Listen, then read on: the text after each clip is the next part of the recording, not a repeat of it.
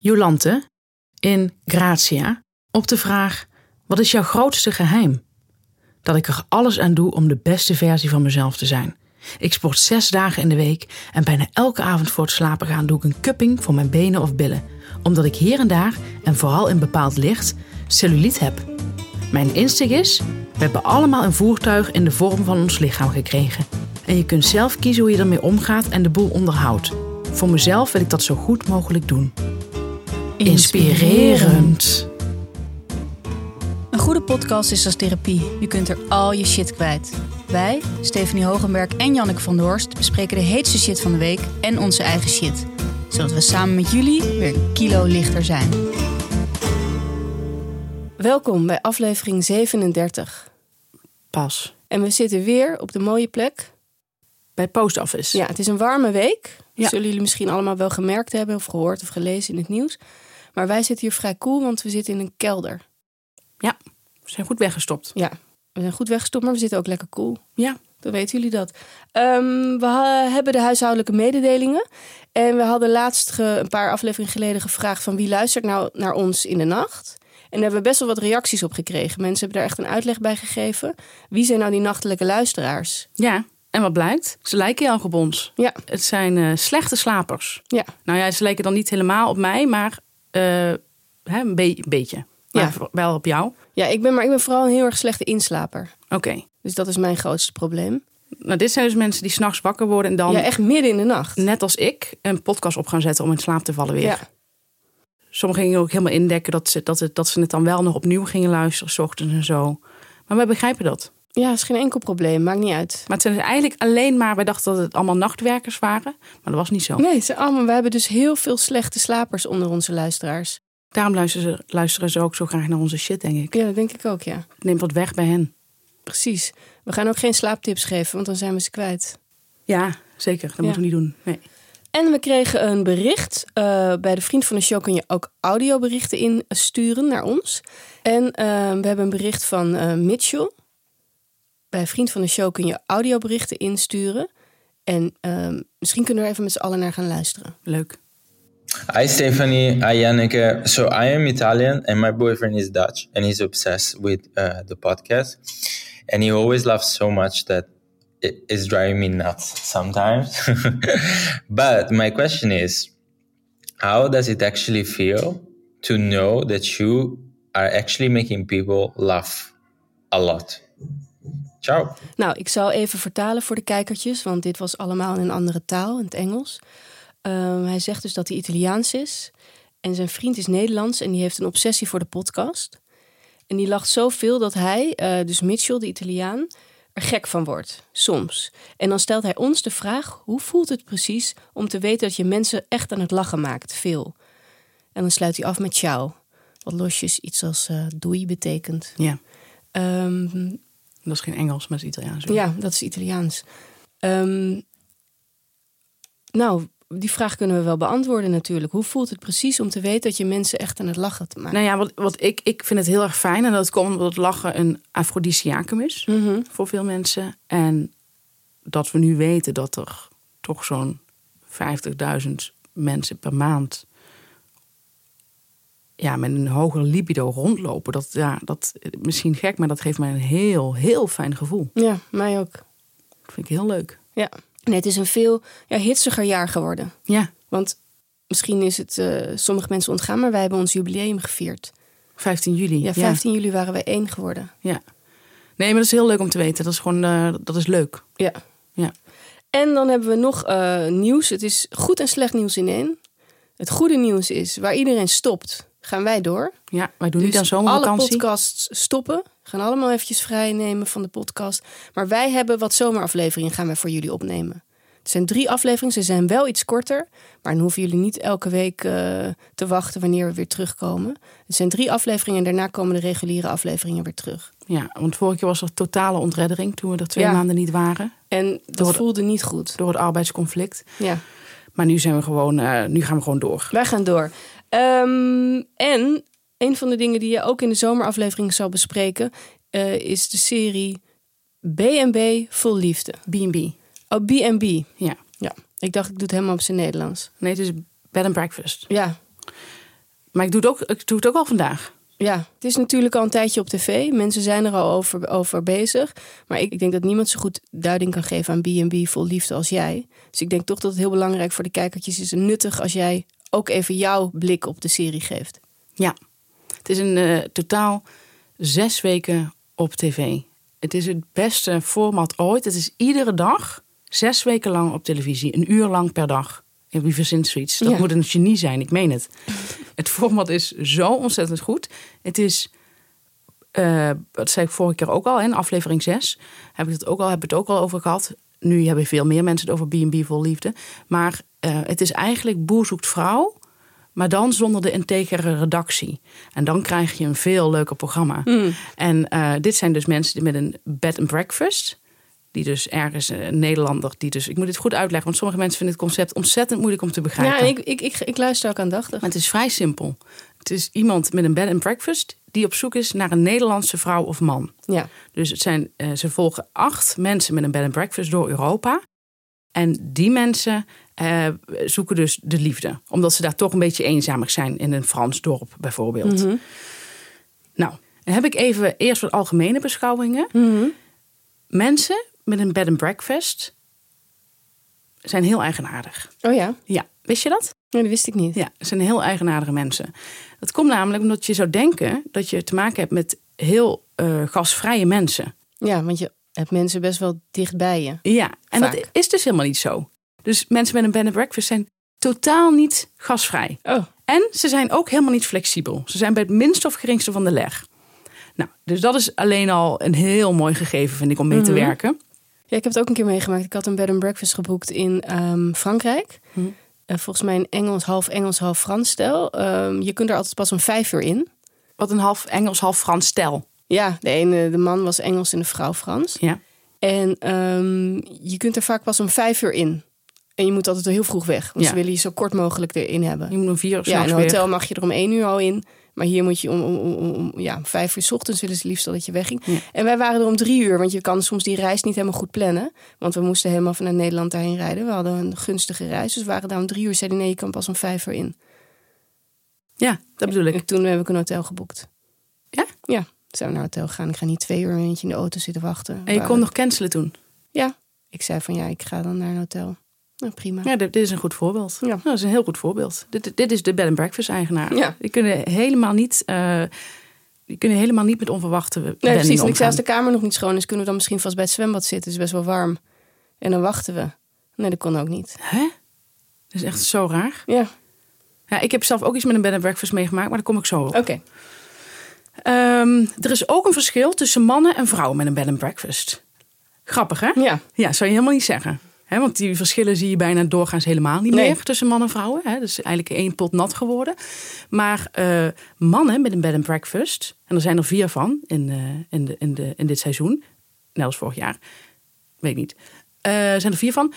Mannen, dat zijn vrijbuiters. Die zijn heel relaxed. Die zijn er begonnen vanuit de gedachte om gewoon lekker in, in, in leven in, in, in het buitenland te, leven. En dan hebben ze er even een bed and breakfast bij.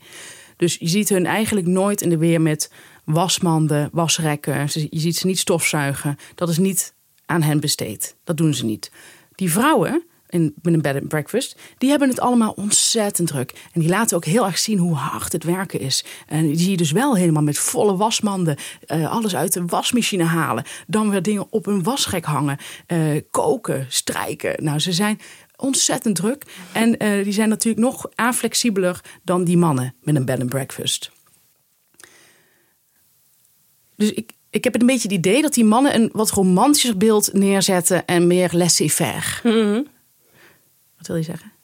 Nou, één vraag had ik nog. Want eh, hoeveel mannen en hoeveel vrouwen? eh, Vier mannen, vier vrouwen. Oké. Ja, het zijn acht, ze volgen acht verdeeld. mensen. Ja, en ik wil er even twee dadelijk uitleggen. Ja. Dat doe ik dan per aflevering, doe ik er even twee de leukste verhaallijnen. Ja. Want er zijn er ook een paar bij waarvan je denkt, leuk om naar te kijken. Want ik, wat ik zeg, het programma zit echt goed in elkaar. Ze maken alle, ze, elke minuut maken ze interessant. Maar er zijn er toch nog steeds een paar bij waarvan je denkt, ja, interesseert me het minst. ja. Ehm, dus wat, ze, wat ook zo is bij algemene beschouwingen, ze zijn allemaal op zoek naar iemand die spontaan is. Dus dat hebben ze In de zelf- liefde. In de liefde. En er komt iemand aan en dan zegt, eh, zeggen bijvoorbeeld als één jongen die meedoet, Martijn, met zijn ouders. Hij runt die bed and breakfast met zijn ouders. Hij is enig kind. En eh, hij is onze leeftijd, nou iets jonger. En die zegt dan van, eh, zeggen die ouders van... ja, ik, ik vind het, ja, eerste indruk een heel spontane meid. Heel leuk, zegt die vader. Ja, ja, ik vond het ook heel spontaan. En dan zegt die Martijn in de camera... Ja, eerste indruk goed, heel spontaan. Nou, en dit zegt iedereen over degene die aankomt. En wat betekent spontaan eigenlijk iemand eh, die lacht? Ik denk dat iemand, eh, als iemand hoi zegt, Ja. dat dat dan als spontaniteit wordt gezien. Maar er is dus heel veel spontaniteit. Eh, Fijn. Ja. En wat ze ook, wat alle vrouwen vinden, waar alle vrouwen zich aan ergeren bij de mannen, unaniem, gewoon unaniem, is dat de mannen geen vragen aan ze stellen. Daar worden ze helemaal lijp van. Hij stelt geen vragen aan mij, zeggen ze dan in de camera. Ja, ik vind het wel leuk. Ehm, Ik denk wel dat we een klik hebben. Alleen, ja, hij stelt nog niet echt vragen aan mij. Dit willen, ze willen allemaal hele diepe vragen. Ja, Ze zeggen, sommige vrouwen zeggen ook letterlijk: Wil je nog iets van mij weten? En dan zegt zo'n man: "Mm, Ja, eh, die weet niet waar die zoeken moet. en die vrouwen gaan daar ook op aansturen. Die denken dat ze dat nog helemaal kunnen kneden. Nou, het is, ja, het is kostelijk. Er zijn er twee mensen die ik even wil uitlichten, deze aflevering. Je hebt Astrid, die woont in Oostenrijk, in eh Sint-Michael in Lungau. En eigenlijk kun je ook al aan de hand van het land waar iemand zit, een beetje raden wat het karakter van die persoon is. En tot nu toe klopt gewoon alles wat ik zeg. Dus wat denk jij? En Oostenrijk heeft iemand dan ja, zeker als ze een beetje in de bergen woont, een beetje koud, koud type. beetje koud type? Ja, juist. Ja, ja. Je zou het ook heel goed kunnen duiden allemaal. Beetje een koud type. Eh, er komt de eerste man aan, Alex. Dat is een beetje een zenuwachtige man. En die komt dan aan met, eh, die heeft kaasvragen gekocht en wijn. Eén vraag nog voor mensen die niet kijken. Ja. Worden die mannen eh, dus niet tegelijk? Die komen niet tegelijk aan? Nee, dat is ook zo raar aan het programma, maar daarom ook zo leuk. Je weet eigenlijk nooit wanneer er weer iemand voor de deur staat. Dus dat is super raar. Die mensen zijn ook altijd zelf verrast. En dat is het leuke. Daarin zie je weer die, dat inflexibele. Snap je? Raken natuurlijk helemaal van de kaart. Ze hebben dan niks in huis. eh, want ze hebben ze niet op gerekend. Dus dat is geweldig. Echt geweldig. Je weet niet wat je ziet. En eh, die Alex, dat is een zenuwachtig man. En die komt aan met eh, kaas en wijn. Ze hebben ook altijd van die kneuterige cadeaus bij zich. En daar gaan ze ook altijd zo'n moment van maken dat je denkt... Man, Jezus, ik, ik vind dat een vreselijk, dat zijn vreselijke scènes. Het interesseert me helemaal niks wat die mensen hebben meegenomen voor die ander. Nou, hij heeft dan kaas meegenomen uit Holland en eh, wijn. En zegt Astrid, nou, eh, lekker. Het is, een beetje een, het is een vrouw van, ik denk dat ze 54 is of zo. Ze heeft twee kinderen en ze is heel klein. En ze heeft een beetje rood, ehm, eh, rode stugge krullen, geverfd. En een beetje meer paars eigenlijk. Je ziet ook een beetje in de haarlijn nog, hè, als iemand het geverfd heeft. En dan zegt ze van, eh, nou, heel leuk. En dan gaan ze samen een kop koffie drinken aan de keukentafel. Het is dan al s'avonds. Ik denk dat hij rond zeven uur is aangekomen. Je ziet dat ze samen aan een kop koffie zitten. Ze weten elkaar niets te vragen. Ze kijken nog net niet van ongemak in de camera, maar er vlak langs. Ze, ze komen er dus niet op om eens aan elkaar te vragen van hoe was je reis? Of, want ze zijn allemaal met de auto gekomen. Als het een beetje te, te behappen is. En dan dan denk je van ja, dat, dat zou je dan toch kunnen vragen. Maar dat, misschien laat ze het ook weg als, als, als, als camera. Dat, of dat ze dat, dat eruit halen, waardoor het helemaal pijnlijk lijkt. Dat je denkt, heeft die vrouw nou echt geen enkele vraag? Dan zegt Astrid op een gegeven moment van, eh, ja, zou je nog een kop koffie willen? En dan zegt Alex, eh, nou eh, ja, we kunnen ook iets, eh, iets anders eh, nemen. Ik dacht misschien eh, kunnen we die kaas en die wijn eh, opknabbelen. En dan zegt Astrid van, eh, ja, dan gaan we zeker een keer eh, opknabbelen. Maar eh, ja, ik moet zo eh, naar mijn bedje toe. Want eh, mijn wekkertje gaat om vijf uur. Dus eh, ik moet zo mijn mandje in. Waarom? Ze is geen boerin, toch? Drie verkleinwoorden. Ze is geen boerin, maar ze moet dan waarschijnlijk weer de lakens opfrissen. Wat ik zeg, dat die vrouw wil laten zien hoe hard het, hoe hard het werken is. En dan zegt die Alex, oké, die komt dus echt net aan, hè? en dan gaat ze dus, zegt, ik ga om het was negen uur. Zegt, zegt ze, ik ga altijd om negen uur naar bed. En dan eh, stelt hij daar even een vraag over. Oh, negen uur naar bed. En dan, hoe laat op? Vijf uur, oké. En dan gaat ze naar bed. En dan de volgende ochtend is er een shot waarin Astrid de lakens staat te, eh, te, te sweepen. En dan zie je haar hele lijf strak van de spanning staan. Helemaal strak. Ze is gewoon, er is iets, je denkt er is iets verschrikkelijks gebeurd. Wat is er gebeurd? Alex heeft om tien over negen op haar deur geklopt. Waarschijnlijk met een halve stijve om nog lekker die kaas op te knabbelen samen. Dit was niet aan Astrid besteed. Ze zegt, ik heb niet open gedaan. En eh, ja, hij is wel echt twintig grenzen bij mij overgegaan. En eh, dat ga ik daar ook even het gesprek eh, over aan. Dat dat niet de bedoeling is. En vanochtend kwam hij weer voor de tijd. Dus uh, ik, dus ik weet niet, ik weet niet ik, het werd helemaal niet duidelijk van wat er dan s ochtends was gebeurd. Heel raar. Ik vind het ook wel een beetje raar van Alex, moet ik zeggen. Maar het is natuurlijk krankzinnig dat je iemand, iemand komt aan en jij gaat meteen om negen uur naar bed. Ja, of misschien uh, wist hij niet hoe het warm water werkte. Zoiets. Maar dan sta, jij bent dan niet meer bereikbaar voor je gasten. Het is natuurlijk echt van de zotte. En dan moet hij de volgende dag moet hij ook zijn spullen pakken. En dan, uh, ja, want ze zegt, ik heb het eigenlijk wel gezien. Dus moet hij zijn spullen pakken. En dan zegt die Alex in de camera van... Uh, die zie je dan heel bits, met zo'n heel bits Becky... Uh, zie, zie je hem de koffers inpakken. En dan zegt hij van, uh, tegen haar nog van... heb ik iets verkeerds gedaan vandaag? Nee, vandaag niet. Nee, nee, maar ik heb het gewoon wel, zeg maar... en dat ligt ook niet aan jou, zegt ze. Wat heel raar is, want het ligt wel aan hem. Oh, en natuurlijk ook voor 90% aan haar. En dan zie je hem de koffers inpakken. En wat ik een heel mooi shot vind, wat, waar, waar ze dat heel, wat ze heel terloops laten zien. Hij pakt dan ook nog een paar komkommers uit de ijskast en tomaten. En die stopt hij ook in zijn koffer. Dus dat neemt hij nog mee. Nou, ik, ik, er, is, er zijn zoveel prikkels in het programma, maar op een goede manier. Je maakt echt zoveel endorfine aan. Het is fantastisch. En er staat er weer een nieuwe man op de stoep, Harm Jan. En die zwaait uh, heel vriendelijk dan die Alex uit. En daarna doet hij een vreugdedansje. Zo van yes, yes, yes. Maar hij weet nog niet waar, bij wie die binnenkomt. Hij is helemaal weg van Astrid. Ja. Hij vindt het zijn droomvrouw. Knappe vrouw je denkt ook door welke bril kijken deze mensen. Jij, als kijker zie je zulke andere dingen. Volgens mij is het een hele lieve vrouw, heel zorgzaam. Hij vindt die kinderen fantastisch. Hij heeft zelf geen kinderen. Hij zegt huilend in de camera: Dit is het gezin waar ik van heb gedroomd. Uh, hij gaat zijn zus bellen. Hoi zus. Ja, het is helemaal fantastisch. Het is helemaal fantastisch. Sorry, sorry. Zus, het spijt me. Sorry, ik moet heel veel. krijgt even te kwaad. Nou, huilen, want hij vindt het zo geweldig. En die, het grappige is ook om te zien, die Astrid reageert heel anders op die Harm Jan. Veel ontspannender meteen dan met die Alex. Dus dat zie je ook de hele tijd, hoe mensen op elkaar reageren. Mhm. Dat dat echt een soort chemie is. Want mhm. eh, je ziet haar wel een stuk ontspannender ineens. Ik vind alsnog echt een verschrikkelijke vrouw. echt verschrikkelijk. Ja, gewoon koud. Oké, dat was Astrid. Ik hoop niet dat het voor onze kijkertjes te lang duurt, want ik ben echt nog een paar net op Ik geniet, ik geniet. Er komt de klapper eigenlijk van dit seizoen. Dat is eigenlijk, eh, eigenlijk al in de eerste twee weken gebeurd. Um, in de afgelopen twee weken. En dat is wel jammer, want ik heb het idee dat het hierna niet meer beter gaat worden. Dan heb je Hans en die zit in Pistoia in Italië. In Toscane. Oké. Hans is een man, hij is, ik geloof, 64 of iets jonger, vrees ik. Um, ik weet het niet meer precies, maar in ieder geval in die, in die categorie moeten we het ergens zoeken. Mhm. En Hans, die woont samen met zijn ex-vrouw en met zijn dochter. En zijn dochter woont niet, eh, die woont niet thuis meer. Maar hij gaat wel samen met zijn ex en met zijn ex-vrouw Libera, een Italiaanse, hele mooie Italiaanse vrouw. Echt een hele mooie Italiaanse vrouw. Is even belangrijk om aan te stippen. Gaat hij uh, de mensen uitzoeken. Voor hem? Ja, voor hem. Mm. Uh, dan zie je allemaal mensen op een laptop voorbij komen. Van allemaal mensen die het leuk zouden vinden om uh, Hans te leren kennen. Mhm. Hans is iemand met zo'n ongeslagen trui. Maar dan wel bijvoorbeeld met uh, teenslippers. Van die hele lelijke. Ja, teenslippers zijn natuurlijk altijd lelijk. Maar teenslippers onder een lange broek. Ja. Dus hij, hij speelt een beetje kakker. Begrijp je? Mm Is dat lullig om te zeggen? Nee. Oké. Hans uh, die droomt er heel erg van dat hij weer eens een uitje gaat snijden met iemand. Dat is dat iemand een ui snijden is in zijn keuken. Dat, iemand, dat hij dan achter haar komt staan. En dat zijn vrouw dan denkt van, is dit real? Ja meid, dit is real. uh, hij zegt ook tegen... Hij zegt ook over één vrouw, die laat hij komen. Dat is de, is de eerste vrouw die aankomt, Hayrie. Heeft hij samen met zijn ex uitgezocht. Hè? Mm -hmm. uh, Bella, Bella, zegt die ex bij iedere vrouw eigenlijk. Bella, Bella. Uh, dan komt Hayrie, hele rare naam, blonde vrouw. En dan zegt Hans van ja, aan de ogen kun je zien dat ze toe is aan een man.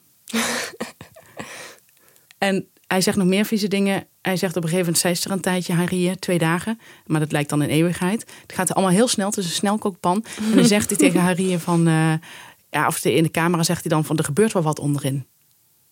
Hij, hij zegt, ik word helemaal weer de hormonen spelen weer op. Want hij heeft al heel lang, het komt erop neer dat hij echt al heel lang droog staat, al 15 jaar. Zo. Ja. Dus Harry wilde, hij, hij wil eigenlijk ook meteen zoenen met haar. Harry mm -hmm. zegt van ja, ik vind nog wat vroeg. um, hij, hij, zegt, hij zegt, zullen we een kus geven aan elkaar? En dan doet ze dat wel, maar ze zegt ze later in de kamer van ik vond het eigenlijk nog wat vroeg. Mm -hmm. Dus dat is, en ik, vind het, ik vond het best wel een lieve vrouw, moet ik zeggen. Uh, ze is helemaal fan van Libera. En eh, dat is alvast een spoiler. Iedereen die binnenkomt bij de bed and breakfast van Hans is weg van Libera. Het worden allemaal vriendinnen. Dus op een gegeven moment zie je ook dat eh, Libera lekker een gezichtsmaskertje gaat doen, want zij is schoonheidsspecialist, bij Harie. Harie zegt dan: Ik heb al, ja, ik denk al twintig jaar niks meer aan mijn uiterlijk gedaan. Ehm, en dan gaat zij het lekker masseren. En dan zegt de voice-over van... Uh, nou, uh, Harie en uh, Libera worden dikke vriendinnen. Ze gaan zelfs een maskertje bij elkaar doen. Nou, en dan zie je zo'n beeld van hoe ze dat dan aan het doen zijn. En het zijn natuurlijk, kun je je voorstellen, fantastische beelden. en die bij de breakfast van Hans, die is heel mooi. Die ligt echt prachtig in Italië en zo. Nou, heel leuk. Um, maar dan komt het, dan komt de klapper van dit seizoen. En dat is, en daar is er echt al heel veel over gezegd en geschreven, dat is Desiree. En Desiree is een vrouw met uh, half lang haar tot op de oren. Moet ik even allemaal goed uitleggen. Mm -hmm. Blond. Een totaal ander type dan Libera, dan die Italiaanse vrouw. Mm -hmm. Ze is struis. Uh, ze heeft hele felle kleuren aan. Heel fel. Ze is ongelooflijk druk. En uh, ze komt binnen. Ze stapt die taxi uit. Hans verwelkomt haar. Irie is dus ook nog daar. En dan zegt Desiree van, uh, oh geweldig hier. En die ligt helemaal in deuk. En dan zegt Hans, rustig aan meid, rustig aan. En wordt het altijd, ga je elke dag zo? Want uh, dan wordt een lachertje hoor hier, uh, rustig aan. Heel vervelend. En dan zegt zij in de camera, ja, je voelt het meteen een klik. Je ziet meteen hoe hij me verwelkomt, dat hij me leuk vindt, dat hij er zin in heeft. Dat hij, dat hij, me, dat hij me een leuke vrouw vindt. Je, je, het is, gaat meteen bam en een klik gaat het. Je voelt het totaal andere uh, werkelijkheid. Uh, en dan zegt, uh, um, zegt die Hans in de camera van... God, ik dacht wel van het lijkt wel of ze 50 gram kook op heeft. en, en, en, en die Desiree ziet er een beetje uit als Beb Brul uit Lunatic. Mm, ken, je, ken je die ja. nog? Zeg maar de lippen zo helemaal rondgestift. Dat zie je vaak bij vrouwen die... Net buiten de lijntjes? buiten de lijntjes. Maar dat zie je vaak bij vrouwen, zeg maar, of ze worden krankzinnig en ze knippen hun haar helemaal kort, mm -hmm. een filmstan. Of uh, ze worden krankzinnig en ze doen hun lippen gewoon helemaal zo ronddraaien. Zo. Nou, zo ziet Desiree eruit. Lichtblauwe oogschaduw op en dan die rode lippen gewoon helemaal rondgedraaid. Niet zeg maar naar de ja, vorm van... kleuter het heeft gedaan. Precies, ja, precies zo. Nou, ik vind het iets liefs hebben. en ik vind Desiree, ja, ik, ik vind dat type vind ik niet heel storend. Ik kan me voorstellen dat het wel heel druk is als het de hele dag om je heen zit. Maar zo'n Harie zei meteen van jeetje, weet je wel. Die zag het even niet zitten. Uh, uh, Desiree is iemand die zegt van... Uh, dan speel ik wel musical, dan dans ik, dan zing ik. Heel veel mensen kunnen mijn tempo niet aan. en ze zingt dan ook bij het zwembad. Gaat ze meteen het zwembad schoonmaken met een net. En dan zingt ze, oh sole mio. En dan gaat ze voor Libera de Italiaanse vrouw gaat ze ook zingen. Oh, sole mio. En maar dan veel harder en luider. En Libra vindt het allemaal prachtig. En dan uh, gaat ze de, de... Maar Libra, het lijkt of Libra ook heel graag wil dat Hans een vriendin krijgt. Ja, dan komt, later komt er een addertje onder het gras. Het blijkt dat ze elkaar niet uit kunnen kopen uit die bed and breakfast. Oh. En zodra Harie dat weet, denkt ze... hé, hey, het is meer praktisch, uh, van praktisch uh, belang dat, dat, dat hij een vrouw vindt. Ja. Maar ik heb het idee dat Hans ook wel echt graag een vrouw vindt. Maar het is ook dus praktisch, want nou, geldtechnisch, en daar snapte ik allemaal natuurlijk geen, geen hol van. Maar geldtechnisch moet daar iets gebeuren. Okay. Zeg maar. Dus het gaat niet goed. Desiree wil heel graag gaan koken voor Hans. Want ze zegt in de camera van... ja, liefde, liefde van de man gaat door de maag. Dus uh, ik ga gewoon lekker naar de markt. En ik ga allemaal lekker dingetjes halen. En zegt ze, ik ga lekker gevulde paprika's maken voor in de oven. En doe ik er lekker gehakt in. En dan ga ik zo, is een heel lekker recept. Nou, dan gaat ze naar de markt, neemt ze Harie mee. Zie je de twee over de markt in Italië. En dan gaat Desiree, ja, die weet gewoon, kijk, het is niet kwaad bedoeld, maar zij weet helemaal niet hoe ze overkomt. Ze heeft geen enkel idee. Dus zij gaat die mensen op de markt heel erg commanderen. Dus die mensen houden groene asperge omhoog. No, blanco, blanco, zegt ze dan. Blanco, no, nee, nee, hier heb ik helemaal niks aan. Blanco, blanco. En dan wil ze paprika's. En dan uh, wil, ze van die, uh, wil ze die op een uh, weegschaal zetten. En dan zegt ze, nee, die blijft niet staan. Dan rolt die paprika om. En dan zegt ze, nee, die blijft niet staan. De, de, nee, daar kan ik niet meer werken. In, in het Nederlands tegen, die, tegen de Italiaanse marktkoopvrouw. Daar kan ik niet meer werken. Nee, daar kan ik niet meer werken. Dat kan ik niet, zo kan het niet werken. Dus dan komt ze thuis. En dit is echt de grap. Komt ze thuis met twintig tassen. Twintig tassen van de markt. Die zet ze allemaal op tafel. Hans zegt: Zo, uh, gaat het allemaal goed? Heb je alles kunnen vinden? En zij zegt: Nee, ze hadden bijna niks. ja, ik, dit, is, dit is echt. Dit is, ik snap niet dat er nog fictie moet worden geschreven als dit allemaal in de werkelijkheid zit. Het is zo goed. Dan gaat ze koken. Nou, iedereen zegt lekker, lekker, lekker. Volgende dag wil Desiree weer gaan koken. Dus Desiree zegt, ik heb nou, van nou een lekkere tonijnsalade. Ik maak hem altijd lekker sappig met mayonaise en met, paap, eh, met, mayonaise en met ehm, eh, ketchup. En dan lekker met augurkje er doorheen. Maar dan vindt ze die augurk nergens in Italië. Nou, dat wordt dan de augurkgate, heet die inmiddels op het internet. Augurk, augurkgate. Want Daarop krijgen ze ruzie. Zij gaat namelijk aan Haria. Ze loopt helemaal gestrest in de keuken. Haria zegt, Haria zegt in de camera van... Ja, ik ben het echt wel zat eigenlijk. Ik vind het niet normaal. Ik bedoel, het was zo'n ontspannen middag. Ze had net dat gezichtsmaskertje gehad van Libera. En dan zegt ze van... Ik, ik, het was gewoon een hele ontspannen middag. Heel leuk. En dan komt Desiree weer binnen. En is meteen weer alles staat op zijn kop. Want ze kan een augurk niet vinden. Ja, ik, ik vind het gewoon ook heel. Je bent in Italië, hè? Ik vind het gewoon niet normaal. Dan maak je die zonder augurk. Nou, Desiree, die hoort het allemaal niet, want het is in de kamer gezegd. Dus die gaat helemaal los op die augurk. En dan zegt ze tegen Libra van... Libra, wat is augurk in het Italiaans? Libra spreekt niet heel goed Nederlands. Maar dan gaan ze samen op Google gaan ze kijken. Ja, ja, gaan ze dat zo kijken? Ja, ik heb het niet. Vraagt ze Libra van, zou jij het kunnen halen? Nou, dat gaat Harie eigenlijk al te ver. Dan gaat ze, uh, zegt ze, ik ga Hans wel even appen, zegt uh, Desiree. Want hij moet toch nog naar de winkel. Uh, want Hans heeft blijkbaar ook nog een zaak buiten zijn bed and breakfast waar mm. hij werkt. Omdat een bed and breakfast natuurlijk niet echt rendabel is. Hè? Dat weten niet veel mensen. Maar ik verdien daar, volgens mij speel je er altijd een beetje kiet mee als je geluk hebt. En dit heb ik, is mij uitgelegd door iemand die een B&B heeft. En um, dan gaan ze naar, de, dan ze Hans en dan gaat Harry naar Desiree toe. En die zegt dan, ja Desiree, ik ben het helemaal zat.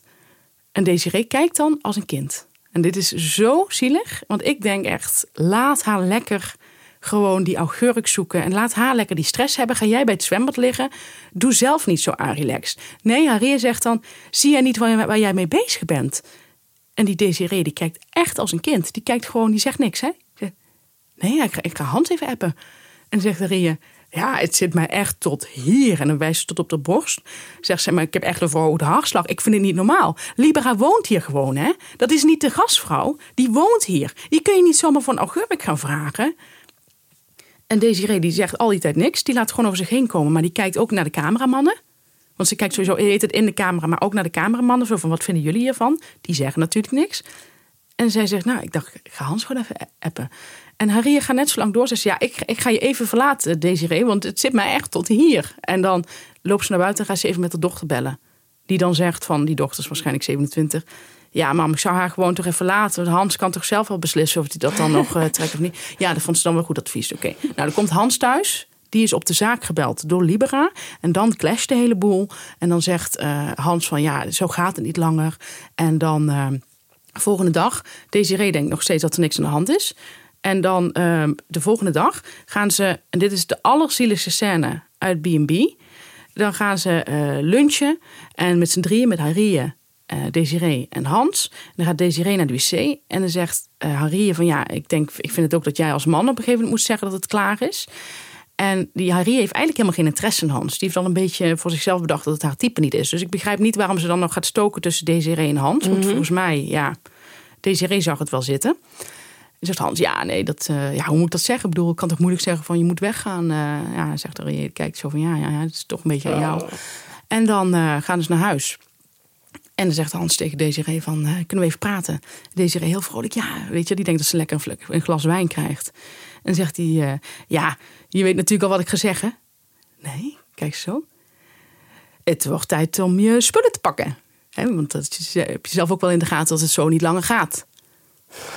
En Desiree zegt van ja, ik dacht lekker koken, weet je wel. Die was lekker gewoon, die, was, die is dus gewoon een, een bloem die in de knop wordt gebroken. Ik vond het zo verschrikkelijk zielig. Je ziet dan namelijk echt een kind zitten.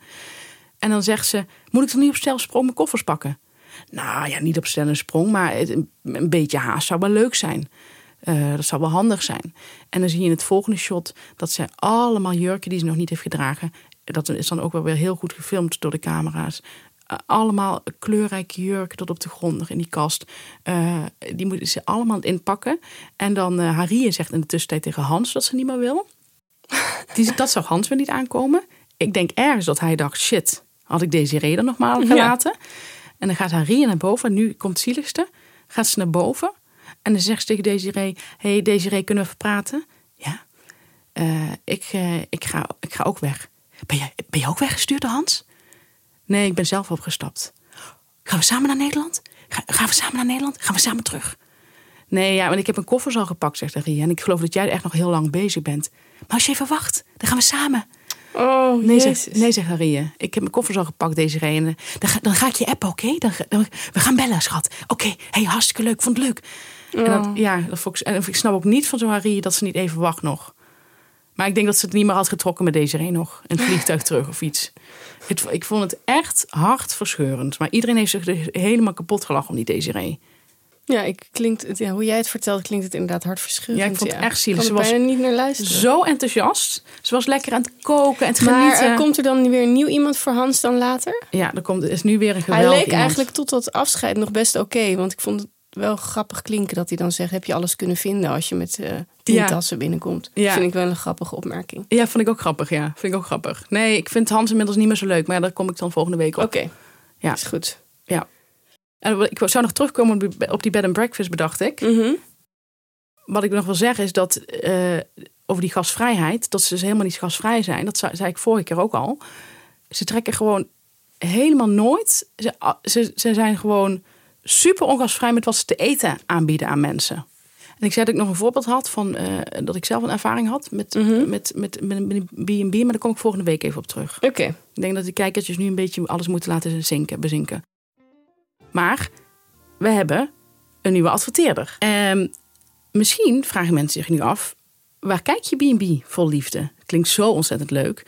Nou, B&B vol liefde is elke dag op RTL 4. B&B vol liefde is elke dag op RTL 4. Maar je kunt natuurlijk niet elke dag om half negen klaarzitten. Zeker niet in de zomer, zeker niet zes weken lang. nee. Dat gaat wat ver. Dus waar ik het op kijk is op NL Ziet. Dat is onze adverteerder nu ook. Ja. Daar ben ik heel erg blij mee, want ik heb al zes jaar NL Ziet. En ik ben Jij al, was een van de eerste. ik was een van de eerste, eerste jaar. En ehm, je kunt er alle commerciële zenders zien. Alle commerciële zenders, Maar ook de publieke. ook de publieke. En wat het fijne is aan de commerciële zenders die je terugkijkt, zoals een programma als B&B voor Liefde, je kijkt het op NL Ziet zonder reclame. Dus dat is geweldig. Want Ja. als je het live kijkt, lineair, dan eh, heb je ongeveer om het kwartier een reclame. Ja, Dus dat is super fijn eraan. heel fijn. En je kunt ze ook eigenlijk alles wat je op NPO Plus hebt, zie je ook daar. Zie je ook daar. En eh, je hebt dus ook SBS6, Net5, RTL 4, nou, RTL 5, et cetera. Eh, eigenlijk echt alles kun je terugkijken. Dus ook, wat ik zelf ook heel fijn vind, is als je een talkshow wilt terugkijken, zoals Bo, Ja, wat op RTL is, of Jinek, dan eh, kun je dat ook zonder reclame de volgende dag terugkijken. Oké. En Klinkt het is, goed. Had ik al gezegd dat het 7,95 euro per Nee, maand had je nog is? niet gezegd. Het is 7,95 euro per maand. Maar Ja. wij hebben een linkje nu voor twee maanden, een zomeraanbieding. En dan is het maar 4,95 voor maand, per maand. Dus dat is alleen voor nieuwe gebruikers. En eh, we gaan dat linkje, je, je kunt ook kiezen voor een gratis proefmaand. En je, je hebt een, we gaan een linkje zetten op Spotify. Ja, Dus daar kun je eh, eh, op klikken en dan krijg je die aanbieding van 4,95 euro per maand.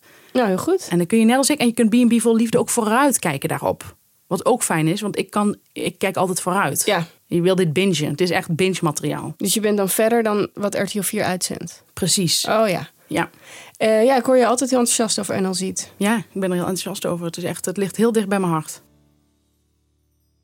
Nou, Stef, ehm Desiree had veel shit, maar wat was jouw shit? Mijn shit, ehm, ja, bij deze ree valt wel, vind ik alles in het niet. Maar mijn shit is, en dat heb ik ook wel eens vaker meegemaakt, dat ik, eh, ik was met eh, een vriend ah, iets aan het drinken. En Mhm. zijn vriendin kwam er later bij. En toen zei ze, ja, mijn, mijn vader komt zo met zijn vriendin naar Amsterdam. Dus die kwam er ook bij zitten. Oké. En toen eh, kwam die vader erbij. Eh, toen ging zij een beetje pronken met mij. Wat natuurlijk wel, wel aardig is. Ik denk Mhm. niet dat ze heel veel van me leest overigens, maar ze ging wel pronken. En toen zei ze van, eh, dit is Stefanie en die schrijft voor eh, Linda en voor Volkskrant Magazine. En wat inmiddels niet meer zo is. Ik heb natuurlijk een tijd voor Volkskrant Magazine geschreven, maar eh, de huidige chef vindt mijn stukken niet echt interessant. En ze schrijft voor Quote. En toen zei die vader, Huh? Dat begrijp ik niet. Dat vind ik altijd wel een beetje dat als iemand begint zijn zin met huh begint, dan vrees ik al het ergste. En toen zei hij van, eh, dat begrijp ik niet. Ik wist natuurlijk meteen wat hij niet begreep, want ik kan heel snel begrijpen Mhm. wat er in het kopje van andere mensen omgaat. Hij begrijpt natuurlijk niet dat hij denkt dat quote een of ander commercieel kutblaadje is waar ze rijke mensen etaleren. Mhm. En hij ziet Volkskrant als iets heel hoogstaands. Ook, ook het Volkskrant magazine. Ja. Dus ik begreep wel waar zijn clash in, in dat kopie zich afspeelde. Mhm. Maar wat ik verkeerd deed zelf, is dat ik niet aan hem vroeg van wat bedoel je daarmee, wat begrijp je niet. Zodat hij zelf dat gaat uitleggen en dan waarschijnlijk helemaal in de knel komt met zijn, met zijn, met zijn uitleg. Maar wat ik zei was, ja, maar quote. Dus ik ging meteen quote verdedigen. Wat ik dus niet zel- zelf heel sterk vind. Ehm, dus ik zei zoiets van, ik zeg, nou, quote, ik zeg, quote doet ook onderzoeksjournalistiek. Dus, ehm, en toen noemde ik wat voorbeelden van wat zij hebben ontdekt. Laatst nog bijvoorbeeld Winston Krstanovic op het Ja. matje geroepen. Want die was natuurlijk met, die was net met duurzaamheid bezig. Dan weet je eigenlijk al meteen dat dat niet goed kan gaan, Winston en duurzaamheid. Maar ik, dit ging ik uitleggen. Maar het ergste was dat hij nog steeds zei... Ah, ik begrijp er niks van. Dus Volkskrant en quote. Ik begrijp het niet. ja, dit, dit, dit was mijn shit. Want ik Ja. erger me hier ter plekke al heel erg aan. Maar kom er zelf niet helemaal wijs uit hoe ik dit nou het beste kan oplossen met zo'n man. Nee. En erger me achteraf ook weer heel erg. Omdat ik denk, godsamme, ik had hem even moeten vragen van leg eens uit. Ja. Hè, wat wat Dan snap kon, je allemaal niet? hij een beetje struggelen. In plaats van dat hij jou laat struggelen. Precies. Dus dit is mijn shit en dit heb ik ook wel vaker. Dat Ja. mensen heel veel, heel veel aannames hebben. Ja. Er zijn ook van die mensen die bijvoorbeeld ja, in hun hoofd ergens een keer hebben bedacht dat mensen die steeds naar hetzelfde op vakantie gaan, dat dat dan eh, heel burgerlijk is. Ja. Dit, dit zijn van die mensen die ook dat soort aannames hebben. ja, mensen die hebben een soort bepaalde visie. Ja, En er kan op geen enkele manier van afgeweken worden. Nee. Bij deze man is het ook te laat, die is veel te oud. ja het is helemaal niet meer buigzaam. Dus hoeven we niet meer aan te werken. Nee. Maar ben je nou nog jonger en heb je ook veel van dat soort ideeën? Probeer toch eens eventjes anders te kijken. Ja, Ja, net als van die mensen die denken dat niemand bij de Telegraaf kan schrijven. ja. Dat ook, ja, precies. Ja, precies. Dat is een goed voorbeeld. Van die mensen die ook denken dat telegraaflezers alleen maar domme idioten zijn. Ja, Nou, zo'n man is dat. Ja, daar erg ik me geweldig aan. ja dat begrijp ik. Het is ook onaardig. Ook dat, ja. Ik bedoel, waarom, waarom zou jij op het matje moeten geroepen worden... of ter verantwoording geroepen worden waar jij voor schrijft?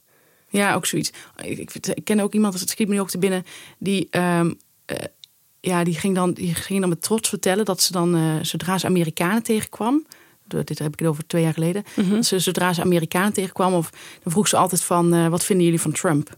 Ik vind dat zo onnozel, maar dat krijg ik natuurlijk nooit in die mensen uitgelegd, want dat begrijpen ze niet. Zij denken echt dat dat een diepgaande vraag is. Daar, daar gaat het mis. Ja. Dus, dus nou ja, dit- ik, ik heb nog niet eh, uitgevonden hoe ik met dit soort mensen moet omgaan. Maar volgende keer, nou, ik heb het wel uitgevonden. Volgende keer ga ik gewoon zeggen van, ja, gek hè? Ja, Vind je dat niet sterk? ja, heel goed. En dan klaar. Ja, precies. En dan gewoon, eh, Maar ik hoop in ieder geval wel dat hij de rekening heeft betaald. nee, het is een Volkskrantlezer. Wat was jouw shit? Eh, mijn shit is een combinatie van lichte bewondering en shit. Ik zou zelf ook wel meer zo willen zijn geweest. Spannend. Maar ik heb er nu last van. Oh, Dat komt, de, we hebben veel kritiek op, op, op opgroeiende kinderen, hoe ze opgroeien, eh, nou, hoe ze opgevoed worden voornamelijk. Maar er zitten ook kanten aan die misschien wel goed zijn. Wat ik heel erg merk aan jeugd nu, ik vind ze best wel zelfverzekerder, heb ik het idee, dan Zeker onze weten. generatie toen wij die leeftijd hadden, pubers. Wereldwijzer ook en ehm, zakelijker. Het ligt misschien ook in, aan het dorp waar ik woon. Maar ehm, ze hebben het allemaal wel goed voor elkaar wat ze willen. En hoe ze dat gaan doen. Ehm, ik, wij waren daar allemaal niet zo mee bezig, laat ik het zo zeggen. We waren meer aan het aanrommelen, had ik het idee. oké. Ehm, het ge- geval is dat ik eh, af en toe een oppas nodig heb. Ja, Ja, ik, ik wil ook wel Heel zo'n avondje, weet je wel. Daar hoef je niet voor te schamen. Nee, nee, dus mensen denken, waarom heb je dan kinderen genomen, weet je wel, als je een avondje weg wil. Maar ehm, ja, ik wil wel eens een avondje weg en, en Thijs ook, weet je. Dus Ja, lekker eruit. Ja, even, eventjes eruit. Eh, en ehm, wat ik heel erg merk aan de oppas van nu... dat komt natuurlijk ook door de mo- mobiele telefoon. Ik heb er zelf ook een. Ja, Ja, en daar maak ik ook gebruik van. ja. Maar anderen hebben ook een mobiele telefoon. En, je, en die mensen van, van 15, 16 hebben ook allemaal een mobiele telefoon. En wat er dan gebeurt is dat ehm, ik dan bijvoorbeeld zeg...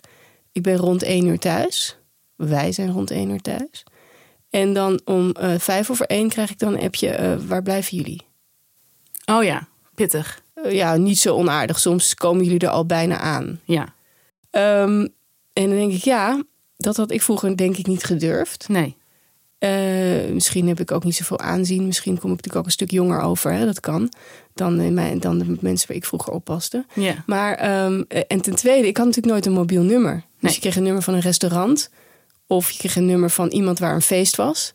Ja, daar ging je niet zo snel naar bellen. Een appje sturen naar iemands mobiel is natuurlijk een, een veel kleinere stap. Ja. Uh, maar ik krijg daar ook altijd een beetje stress van. Want ik had vroeger altijd een oppas die zei: Ik ben rond één uur thuis. En dan kwamen ze rond drie uur. was vreselijk vervelend. Maar ik zei daar niet echt iets van. Nee, helemaal niet. Ik zei daar eigenlijk niks van. Uh, maar tegenwoordig is dat nu niet meer zo. Laatst had ik een oppas en ik had een feest. En hij zei, hij belde mij, of hij appte mij de volgende voor de dag van tevoren. Hij heeft een mannelijke oppas. Ja, ik doe dat ook soms. Even de afwisseling, weet je wel. Je doet alsof dat heel uh, normaal is, maar dat is. Nee, het is niet normaal. Heel vooruitstrevend. Uh, de gelijkheid tussen, tussen, tussen mannen en vrouwen begint natuurlijk bij jongens en meisjes. Ja, ja. ja. Dus uh, ja, ik vraag ook wel eens een jongen als oppas. Supergoed. En um, die appte mij toen van tevoren, een dag van tevoren, van hey, ik ga, uh, ik ga zaterdag vroeg weg met vrienden. Dus ik kan morgen maar tot 11 uur. En dat was één dag van tevoren dus? Ja. En uh, ja, je weet zelf ook, 11 uur, dan, ja, dat is het voorspel van een feestje. Ja. Dan moet het nog echt loskomen. Dus um, ja, ze hebben tegenwoordig hun eigen levens, laat ik het zo zeggen, en eisen, eisenpakketten. oppas is ook best wel soms moeilijk te vinden. Want vaak in ons dorp, als er een feest is, gaat iedereen naar dat feest. Ja. Dus dan is er een enorme vraag en weinig aanbod. En heb je nog, een, heb je nog iemand kunnen vinden? Nou, ik heb, ik heb uiteindelijk op, op dat feest een twaalfjarig meisje geregeld. Uh, dat toen is op gaan passen. Ah ja, geronseld eigenlijk. Ja, geronseld heb ik gewoon uh, gezegd. Je krijgt uh, 25 euro als je tot, uh, tot half twee wil blijven. Slim. Ja. Ook een zakenvrouw ja. hoor. Ja, ik ook. Maar um, ik, je, je, je verpest dan wel een beetje de markt. Ja. Ja, en goed, dus dat is een beetje shit. De, de mondige oppas. Ik wou, ik wou dat ik vroeger zelf ook wat meer zo was. Ik had een oppas en die gaf je dan geld, want dan kreeg ik nu, nu stuur je tikkies. Maar die gaf je dan geld, cash. Ja. En dan liep je naar buiten in je fiets en dan zag je dat je te weinig betaald gekregen had. Ja. Ja, dan durfde ik nooit terug. Nee, durfde ik ook niet. Nee. Dus ik had wat mondiger willen zijn, maar ik heb er nu wel last van soms. Ja, dus dat was mijn shit. Ja, kloten. En dan zijn we weer bij onze favoriete rubriek van de week. Het, het mannetje van de shitshow. Nou, deze week is natuurlijk ons mannetje van de shitshow Charlie Luske. Ja, geweldig. Geweldig man. Geweldig. De naam zegt het natuurlijk al. Charlie Luske. Nou, het ruimt op husky. Ja, dat vind ik ook zo leuk. Ja, en, en, en heel veel huskies heet ook Charlie. Dus, dus het, hij heeft diezelfde bravoure, die wildheid van, van, van een, gewoon een gezellige, leuke, actieve hond. Hij heeft ook altijd, en dat is denk ik dan geen toeval, ook altijd zijn tong uit zijn mond hangen. Ja, dat viel mij ook op, inderdaad. Als je hem ziet rennen, dan gaat dat het heel hard. Heel hard. Het is echt, uh, je kunt het met het blote oog bijna niet waarnemen. Ja, en wat ik ook zo ontzettend leuk vind aan, aan Charlie Luske is dat hij getrouwd is met Tanja Yes. Ja. En zijn ze nog steeds getrouwd? Volgens mij zijn ze nog bij elkaar. Oké. Okay. En dat vind ik ook heel bijzonder. Dat maakt van Tanja een hele sterke vrouw. Ja. Sowieso als je met een husky wil gaan, vind ik, zeg maar, dat moet in het begin toch heel moeilijk zijn geweest. Ja, want die, die moet je echt goed kort houden hoor, om ze goed op te voeden. Ja, en dat is haar niet gelukt, maar ze houdt haar hoofd uh, recht. En ja, daar kan ik eigenlijk echt alleen maar heel veel respect voor hebben. Ja. Dit is eigenlijk ook voor Tanja. Ja. Zij is ook een beetje ons mannetje van de shitshow. Want hij, hij, deze husky pist vaak buiten de pot. Charlie, het mannetje van de shitshow, is voor jou. Ga zo door. Wat was jouw ergernis deze week? Mijn ergernis was dat ik. Uh, ik ging naar Noordwijk. Gewoon eventjes mijn moeder bezoeken op het strand, want die was met een vriendin daar lekker aan het uitwaaien. Dus ik ging hun even bezoeken. En toen had ik een auto gehuurd en toen reed ik in de. Uh, dit is allemaal inleiding hoor. Dit heeft niet echt zoveel met de ergernis te maken, maar ik probeer een beetje een beeld te schetsen. Ja, ik ben er helemaal bij. Uh, of de sfeer neer te zetten. Um, en toen reed ik een straat in en er was heel veel, uh, dus niet op de boulevard, de, de bekende boulevard, maar een straat daar haaks op. En er was heel veel parkeerruimte. Maar toen dacht ik, mag dat hier wel? Maar Ja. Het leek me een hele fijne plek om te parkeren. Maar als er ergens veel parkeerruimte is, dan ga je altijd, word je, krijg je argwaan. kreeg je argwaan. Draaide ik mijn raampje open. Zei ik tegen een man die de oprit, oprit op wilde lopen, zei ik, mag, je hier, mag ik iets vragen, mag je hier parkeren? En toen zei hij, en daar komt mijn ergernis, dat mag, maar dan krijg je wel een bekeuring. Oh ja. En dan, dan, dan zakt mijn gemoed echt heel eventjes tot onder het nulpunt. Want ik, ik denk echt van... Ik vind dat zo'n debiel antwoord. Echt dat iemand denkt dat dat grappig is. Dat vind ik zoiets vreselijks. En toen zei ik... Oh, ik zeg nou niet dus. Ik zeg nou, dan ga ik even verder. En toen zei hij, ja, nou, het mag dus wel. Maar goed, dan krijg je dus wel een bekeuring. Dat je het nog een tweede keer gaat zeggen... Ja, ik denk dan echt meteen, jij bent niet goed. En toen ben ik dus gewoon verderop gaan rijden. Want dan ben je- zeg maar, het kost je ook nog energie. Je bent toch een volle minuut, kost het je. Ja. Dat zo'n man zo'n grap nog wil afmaken. Nou, het lijkt me echt afschuwelijk om met zo iemand samen te leven. Maar het is echt, het zijn eh, mensen die van semantische grappen houden. Het zijn vaak mannen.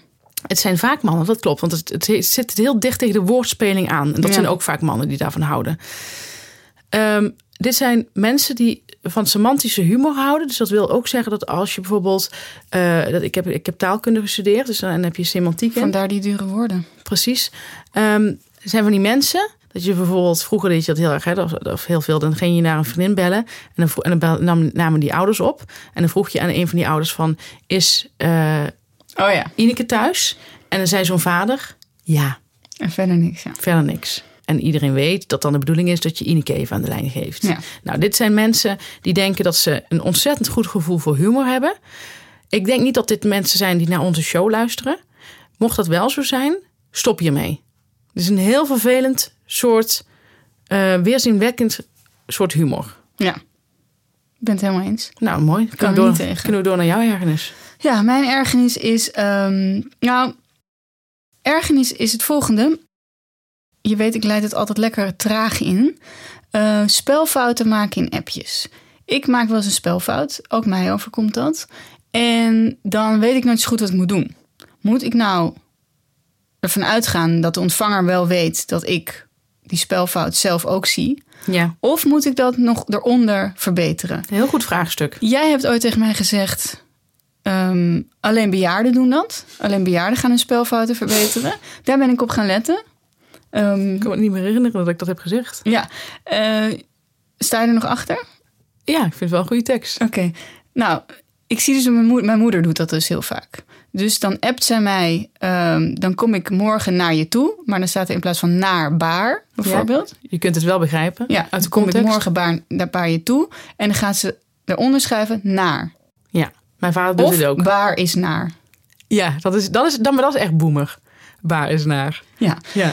En dan denk ik, ja, dit zijn dus geen spelfouten. Nee, Dit hoef je niet te verbeteren. nee. En, ehm, maar ik zit er zelf wel mee, als ik ook zelf. Want ik tik altijd heel rommelig. Ik heb altijd hele rommel. Ik doe dat heel snel tussendoor. Op een of andere manier moet je eigenlijk ook even de tijd en de rust nemen voor een appje, maar heb ik niet.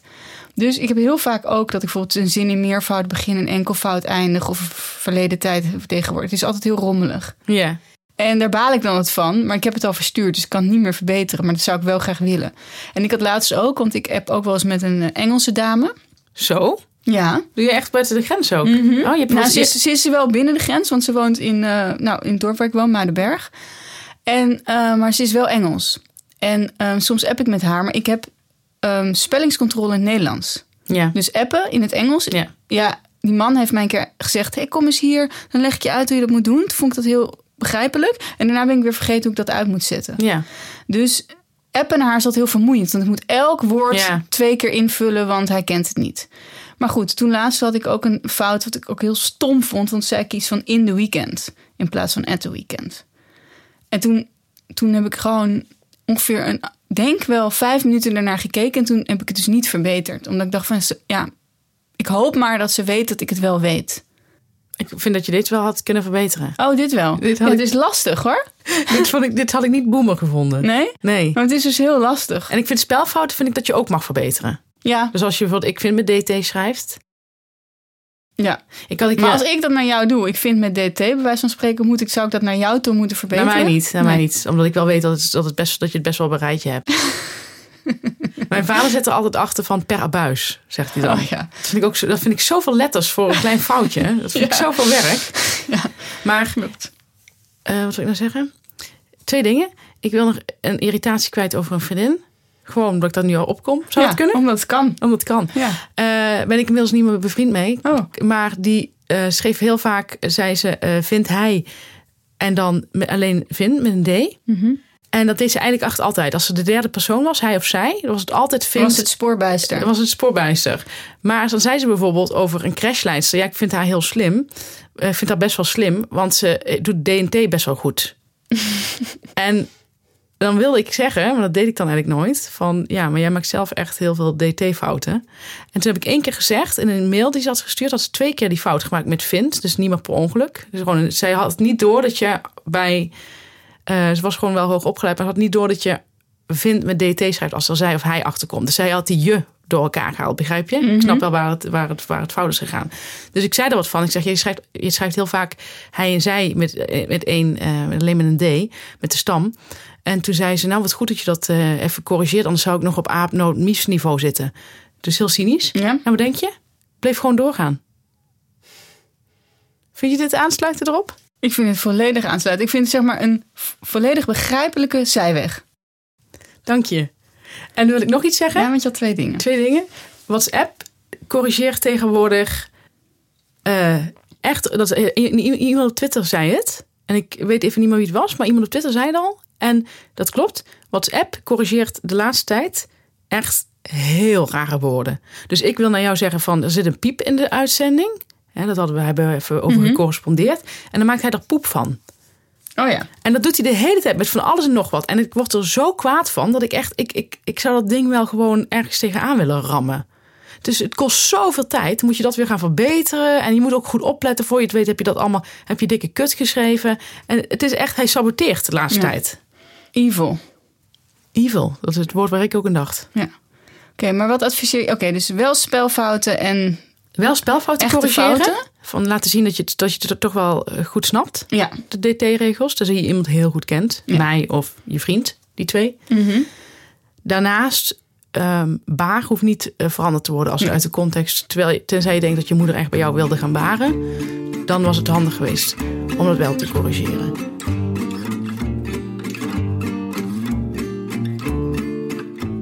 Nou, dan zijn we alweer bij de warme boodschappen. Wat is jouw warme boodschap? Waar zend je de mensen mee de zomer in? Nou, dit is een heel bijzondere warme boodschap. Nou, ik dacht dus echt dat iedereen eh, deze film kent. Hij komt uit de jaren negentig. Het was, ik weet nog dat ik hem voor mijn communie kreeg. Ik was acht jaar. Heb je communie gedaan? Ik heb communie gedaan. Oh, En dat wist ik helemaal niet. ook het forumsel. Oh, nee, dat verklaart toch denk ik veel wel.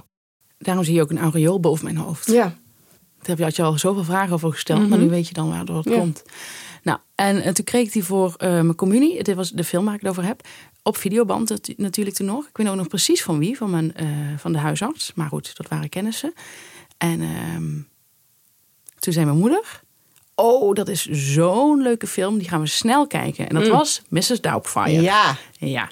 daar hebben we het wel eens over. Ik heb hem dit weekend weer gekeken. Ik denk dat dat de veertiende of vijftiende keer was. De tel ben ik inmiddels kwijtgeraakt. Maar ik ging hem dus met iemand kijken die hem nog nooit heeft gezien. En, Dat is eh, leuk, ja. Een, eh, een andere vriendin van mij heeft ook nog nooit Mrs. Doubtfire gezien. Melle, om precies te zijn. en eh, dat vind ik echt gek. Ik dacht echt dat gek. iedereen dat dit gewoon de film was in Nou, het, het viel me wel op. Ik heb het, het is ook wel echt een van mijn favoriete films. En mijn broer en ik deden het altijd na. Ja. En ik vond er niet heel veel mensen met wie ik dat kon bespreken. ja, gek. Ja, Ik vind het echt, ik vind het, de, ik denk echt de allergrappigste film die ik ken. Ik vind natuurlijk, ik heb dat één keer op Twitter gezet en zijn mensen, ja, Dumb and Dumper. En dan gingen ze allemaal voorbeelden noemen Mhm. van, en ook eh, de Big Lebowski en zo. Ja, het zal allemaal wel. Maar dit is een kinderfilm. Eh, althans, hij is heel goed voor volwassenen te kijken, want er zitten echt wel heel veel volwassen dingen in die je als kind echt niet begrijpt. Maar ik vind die humor, die ik, ik, wie dit heeft geschreven, dit zullen waarschijnlijk wel iets van twaalf schrijvers zijn geweest die dat hebben geschreven. Het is dus een comedy, maar ook best wel drama. ja. Ah, dit is, ik vind dit briljant. Er is één scène, er zijn twee scènes die ik het allerleukst vind. Ik, ik, de dialogen zijn zo goed, maar ik vind die scène bij het zwembad vind ik super grappig. Maar heb je nog van dat soort films? Want ik denk dat dit een soort tienerfilm is. Ja, Of zo. Vroeger had je ook Parenthood. Heb je die gezien? Ja. Steve Martin. Die vond ik ook heel grappig. ja, vind ik ook leuk. Ehm, maar ik heb het idee dat je dat niet meer zo hebt. Ja, dat idee heb ik dus ook. Weird Science. Die ken ik niet. Dat is ook zo'n geweldige film. Maar hij is dus met, eh, moet ik even vertellen voor de mensen die hem niet kennen. Oh ja. Hij staat op Disney trouwens. En eh, hij is met Robin Williams, die dus is overleden door Mhm. zelfmoord. Was ik ook nog aan denken toen ik de film keek. Dan heb je zo'n on- ongelooflijk talent, zo'n acteertalent. Zo komisch. Hij heeft ook een hele droeve blik, dat zie je wel. Hij, hij- als hij even in een. Dat zie je wel. Er zit echt een hele verdrietige kant in hem. Eh, maar dan heb je zo'n talent en dan pleeg je zelfmoord. Ja, dat vind ik toch altijd fascinerend. Hoe dat dan zit. Zonde. Als je zoveel succes hebt. Ja, ik snap dat dat succes is niet hetzelfde als geluk en zo. Maar goed, het is gewoon heel zonde. Ehm, en ik vind... ehm, ja, er zijn heel veel citaten uit de film die ik met een vriend van mij Misschien moet je gebruik. nog even uitleggen waar de film over gaat. Oh, dat is ook wel leuk, ja. ja de film gaat over eh, een gezin dat gaat scheiden. En eh, de moeder besluit, ze hebben drie kinderen. De moeder besluit om weg te gaan. Of nee, zij blijft, zij blijft in het huis, want zij verdient de kost. Hij, hij werkt niet. Eh, dat is een van de redenen waarom ze wil scheiden. Ze vindt het een, een beetje een lambal. Hij is wel heel grappig. Ehm, het is een beetje een labrador. En is een wel- stemacteur, hè? en hij is stemacteur. Hij doet allemaal stemmetjes. Wat Robin Williams dus ook in het echt kan. En dan eh, gaat hij... eh, omdat, om- hij mag deze kinderen niet meer zien. Hij krijgt, zij krijgt de volledige voogdij. En dat is allemaal in Amerika best wel streng. En dan krijgt hij, ook een, krijgt, krijgt hij een toezichthouder op maandag en op vrijdag. Ja, het zit zo goed in elkaar. goed, ja. En dan Die gaat hij... toezichthouder is leuk ook. Die is zo leuk. Ja. Zo goed gespeeld ook. Ongelooflijk. En dan het laatste wat ik even moet verklappen van de plot is dat eh, hij, eh, zij, die, die, die stijve vrouw van hem, die ex-vrouw, die zoekt een huishoudster. En dan heeft hij zoiets van, dat kan ik toch doen, want dan kan ik de kinderen nog zien. Zegt ze nee, ja, want hij kan niks. En dan gaat hij in de rol van Mrs. Doubtfire. Eh, hij laat zich helemaal schminken, verkleden. Ja, het is, ja het, het- misschien, ik vind het niet heel aantrekkelijk klinken hoe ik het nu Nou, het is vertel. heel leuk. Het is en het is ook nog wel leuk. het- Pierce Brosnan speelt erin. Ja. Dat was nog voordat hij James Die Bond was. ook een geweldige rol hierin. Zo'n goede rol. En hoe dat dan tussen Mrs. Doubtfire en Pierce Brosnan gaat. ja, en de dat- scène bij het zwembad, hoe je dan dat, kijkt. Dat, dat zeg ik. Die- Dat vind ik mijn favoriete scène. ja. Ja, dat die, dat die ja, met die, met die, met die limoen. Limoen bedoel ik. Toch? ja. Die kop die hij dan trekt, ja. Ja, en, het, en de scène het restaurant, dat is eh, ja, het Nou ja. beste ooit. Eh, Allemaal kijken. Ja. Ik sta er ook volledig achter. ja, het is een oude film. Hij is nog wel goed te kijken. Het is niet zo met zo'n heel, heel oud materiaal. Het is nog best wel actueel. Behalve dat, er, ehm, dat je nog mag roken in restaurants. Ja. Maar lekker nostalgisch. Wat was jouw warme boodschap? Nou, mijn warme boodschap is die documentaire over Elizabeth Holmes op HBO. Oh ja, die heb ik ook gezien. Ja? Ja, Nou, ja fijn. Dat is wel leuk, want we kunnen er samen over praten. Dat heet The Inventor Out for Blood in Silicon Valley. Lange titel. Ja. Er is ook een fictie- fictieserie van gemaakt op Disney. Mhm. Daar ben ik even de naam van kwijt. Oh, die heet The Dropout. Oh ja, heb je die ook gekeken? Ben ik aan begonnen. Oh. Maar nu gaat het allemaal wel een beetje door elkaar lopen, want dat is natuurlijk niet helemaal de waarheid. Ik had daar geen zin in. Ehm, nee, ik ook in eerste instantie niet, maar ik was toch wel een beetje gefascineerd omdat je daar iets meer over haar jeugd ziet. Oh, oké. En ehm, ik was al heel benieuwd naar deze Elizabeth Holmes. Eh, ja, ik vind het trouwens een mooie naam. Ja, Een beetje, ik denk aan een actrice of een schrijfster of zo. Maar het is wel een fascinerende vrouw. ja, die ex van, van Tom Cruise heeft een beetje dezelfde naam. Oh ja, hoe heet ze ook weer? Ja, iets met Holmes, Holmes, wel. Katie Holmes, Katie, ja. ja. daar ligt het aan. Ehm, nou, ik zal het even kort uitleggen. Eh, Elizabeth Holmes studeerde aan Stanford. Was een goede leerling. Of goede student, moet ik zeggen. En eh, had heel veel ambitie. Vreselijk veel ambitie. Ja. En zij dacht, ik ga... Ik word een nieuwe Steve Jobs. Dat dacht ze eigenlijk al heel jong. Ze wilde zoiets gaan doen. Ze wilde iets totaal nieuws gaan maken. Nou, dat kunnen we alleen maar waarderen. Ja. Haar idee was, eh, zij hield zelf niet van geprikt te worden. Haar moeder hield ook niet van om geprikt te worden. Dat zie je dan in die fictionele serie. En, en het is heel duur in Amerika om een bloedtest te doen.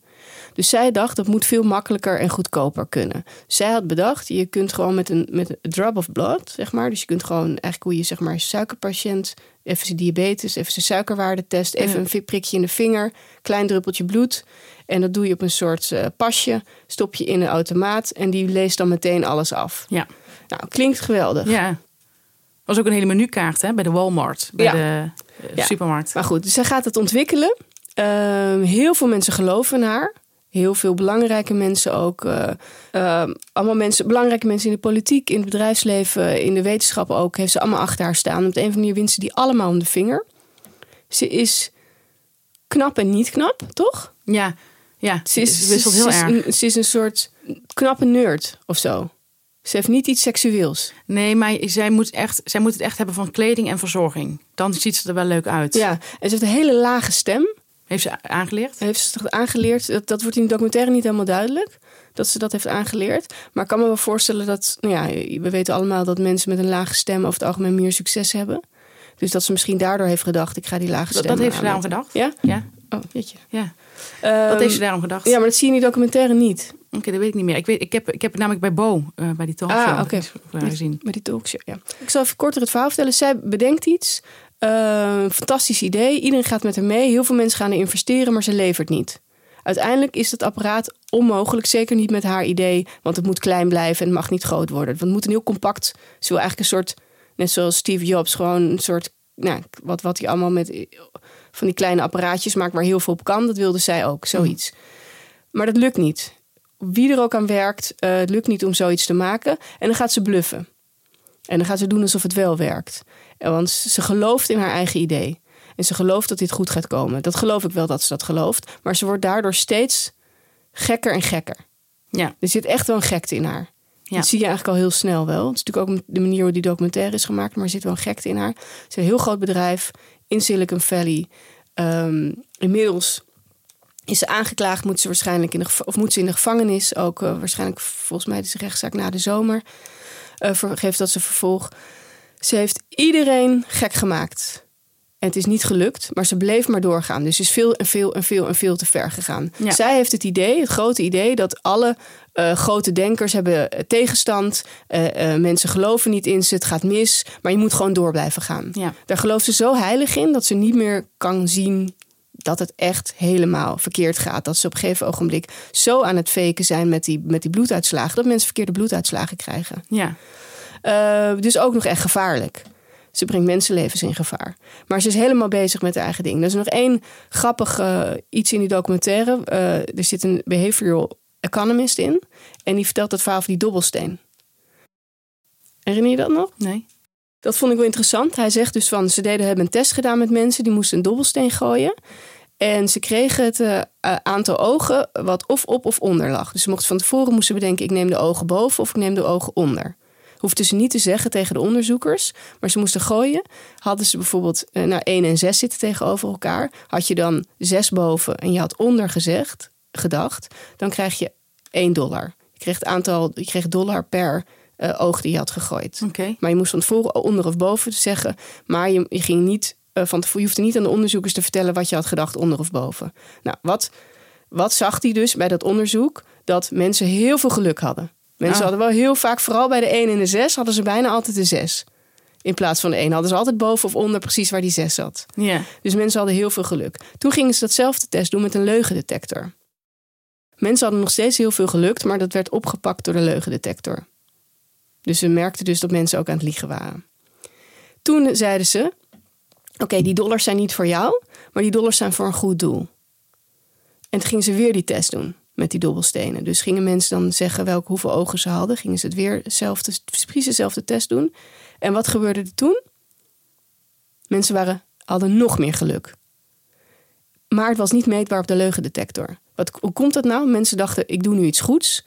Ik ben nu iets aan het goed, iets aan het, goed aan het doen. Ik ben geld aan Oh, het verzamelen ja. voor een goed doel. Nou ja, dat was. Waardoor ze dus die spanning en, en, die, en, die, en die hart, nou, wat, er, wat er allemaal gemeten wordt door zo'n leugendetector, kwam niet naar boven. Dus je kunt in je eigen ethiek gaan geloven. Ja. Ja. En dat is misschien dus, nou, dat vond ik wel een grappig voorbeeld hoe dat misschien met Elizabeth Holmes is gegaan. Maar ik vind dat heel fascinerend. Vaak zijn het mannen, maar nu is het ook een keer een vrouw. Ja. Hoe dat precies werkt. En ze zit ook heel mannelijk. Ze gaat altijd in de, ze zit nooit vrouwelijk. Ja, er zit- is wel iets geks aan haar. Ja, maar ze heeft dat helemaal aangemeten. Dus dat hele gedrag, ze- dus heeft die lage stem aangemeten. En ze zit als een man. Dus ze zit wijdbeens, maar dan met, eh, met het ene been op de knie van de ander. Snap je? Zoals mannen ook vaker zitten. Ja. Dus vrouwen zitten echt niet zo. Nee. Maar zo zit zij. En ze heeft zwarte kooltruis aan. Ja, zoals- ze doet ze Steve Jobs-achtig. Ze is helemaal, ja, die had dan een spijkerbroek met een zwarte kooltrui. Dus ze heeft altijd zwarte, zelfde kleren aan. Ze heeft net als hij dezelfde, elke dag doet ze hetzelfde aan. ja. Nou, het is heel fascinerend om te kijken. Ook hoe ze zich steeds verder in in dat... Maar ik was toch wel ge- geïnteresseerd in meer over haar. ja, ik ook wel. En ik ik vind wilde heel... weten wat haar achtergrond nou precies was. Wat haar jeugd was. Ik Nou vind ja. het wel heel grimmig. En wat ik, wat ik leuk vond, dus ik heb het bij Bo was er een item over. Dat was heel leuk met Hans Aarsman. Mhm. Want die liet zien dat ze dan uit de rechtszaak komt. Want ze zit dus nu, heeft ze allemaal re- rechtszaken. En dan komt ze elke keer in een korte rok naar buiten. Elke keer. Terwijl ze dat eerst nooit aan had, Mhm. een rok. En dan zie je dat die knieën van haar bont en blauw zijn. Dus dat vond ik wel leuk verteld door Hans Aarsman. Die zegt, we gaan heel even inzoomen op die knieën. Ja, zoom maar even in op die knieën. Eh, zie je dat die helemaal blauw zijn. Dan vraag je af, Nou meid, wat heb je gedaan? Eh, waarom zou je dan eh, zo'n rok aantrekken als je zulke blauwe knieën hebt? Maar dan zie je dat ze iedere keer dat ze uit de rechtszaal komt, zulke blauwe knieën heeft. En als we dan nog even gaan kijken, eh, had hij zo'n beetje ontdekt, dat zij heel bijbelvast is. En dan moet je natuurlijk bidden als je een zonde hebt begaan. Dus zij wil laten zien dat ze de hele tijd een bidden is. Oh ja. Ja, ze is ook wel heel manipulatief. Ja. Oh ja, en nog even één laatste ding. Ze is dus, terwijl al die rechtszaken bezig zijn, heeft ze een kind gekregen. En dat Oh. vind ik ook heel gek. Met een veel rijker of een veel jongere, eh, een of andere rijke erfgenaam van een hoteleigenaar of zo. En ze hebben samen een kind gekregen, terwijl ze echt wel wist al dat, ja, dat bakken ze iets moet. van 20 jaar de gevangenis in moet. Wow, dat, is- dat wist ik niet. Wat bizar. Ja, en dat vind ik toch ook wel een vorm van gekte. Nou ja, en ook weer manipulatie. Want misschien krijg je dan strafvermindering als je mo- moeder bent. Of Ja? je krijgt wel bezoekenregeling. Ja, misschien. Dus dat is wel slim dan weer. Nou goed, kijken dus allemaal. Ehm The Inventor Out for Blood in Silicon Valley. Op. HBO. Nou, dat was hem weer, meisje. Ja, dit was alweer aflevering eh, 37. Volgende drie weken zijn we bij jullie met een kortere zomeraflevering. Maar we zijn er. En we hebben vandaag, alleen vandaag nog eventjes een vriend van de show. We bellen met tante Margreet. En dat is een heel erg leuk gesprek. Ja. Want eh, ze heeft eigenlijk iets te vertellen over de schilder. Maar ze kan dat niet vertellen. Omdat de schilder bij haar aanwezig is, kan ze het niet vertellen. Maar ze vertelt ook nog iets anders. Ja, En de komende drie afleveringen hebben we even geen vriend van de show. nee, want we zijn eigenlijk met vakantie. Ja, we doen dit voor jullie. Zoals, Tot- we heel, zoals we heel veel voor jullie doen. Tot volgende week. Tot volgende week.